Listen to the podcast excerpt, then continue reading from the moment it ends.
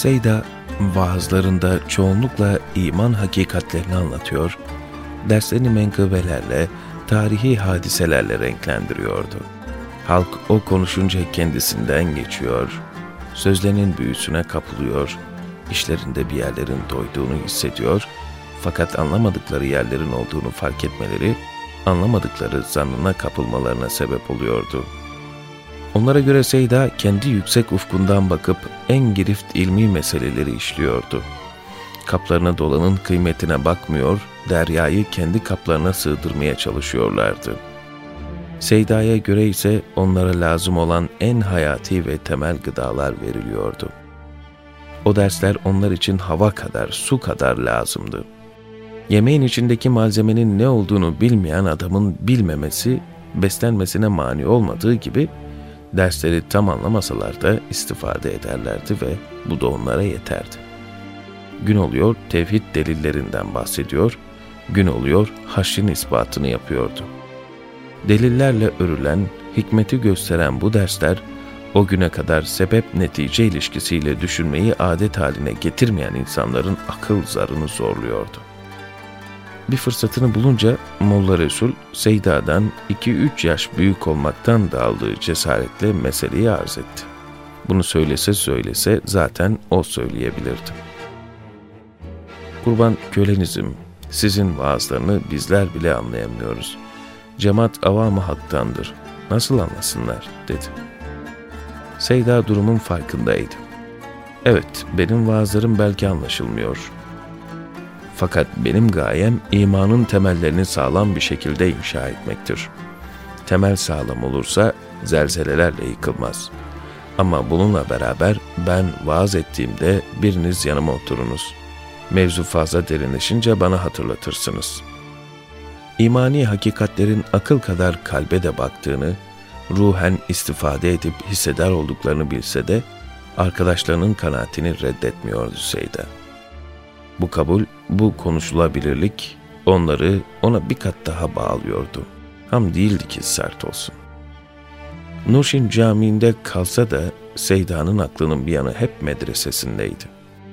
Bir gün hem teneffüs hem tefekkür ve hem de hatıraları yad niyetiyle Van Kalesi'ne gittiler.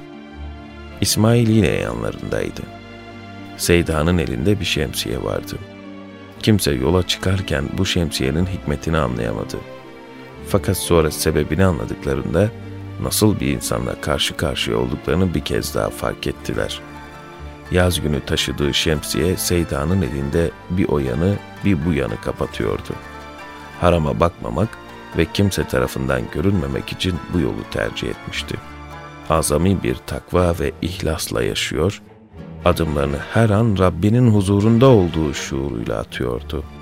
Kaleye vardıklarında Seyda hemen her zaman yaptığı gibi koca kayanın en zirve noktasına çıktı. Seccadesini serdi. İnsanın içinde ürperti hasıl eden bir duyuşla tekbir alıp ellerini bağladı. Talebeleri biraz daha aşağıda oturuyorlardı. Namazdan sonra uzun uzun evradını okudu, dualar etti. Sonra talebelerinin yanına çağırdı. Etrafında toplandılar. Seyda medresesine doğru döndü. Önce kıyamet alametlerini anlattı.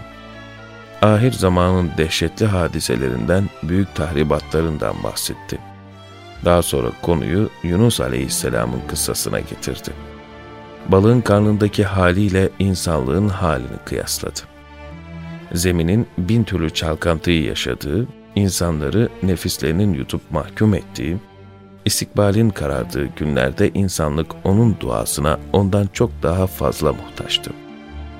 Dersin sonunda herkes 300'er defa Yunus Aleyhisselam'ın Kur'an'da geçen duasını okudu. Koca Nebi Aleyhisselam hatayı, eksikliği kendine veriyor, senden başka ilah yoktur. Sen bütün noksanlardan münezzehsin. Ben kendime zulmettim diyordu. O günkü dersten de çok etkilenmişlerdi. Cenab-ı Hak sanki Seyda'ya Kur'an'ın esrarını keşfedeceği bütün anahtarları vermişti de o her gün bir tanesini açıyordu. Her ders bir ayrı tatta, bir ayrı ufukta oluyordu. Özellikle İsmail en küçükleri olmasına rağmen dersin tesirini uzun süre yaşadı. Seyda hakikati uzak göstermiyor, hazır zamana getirip yaşatıyordu.''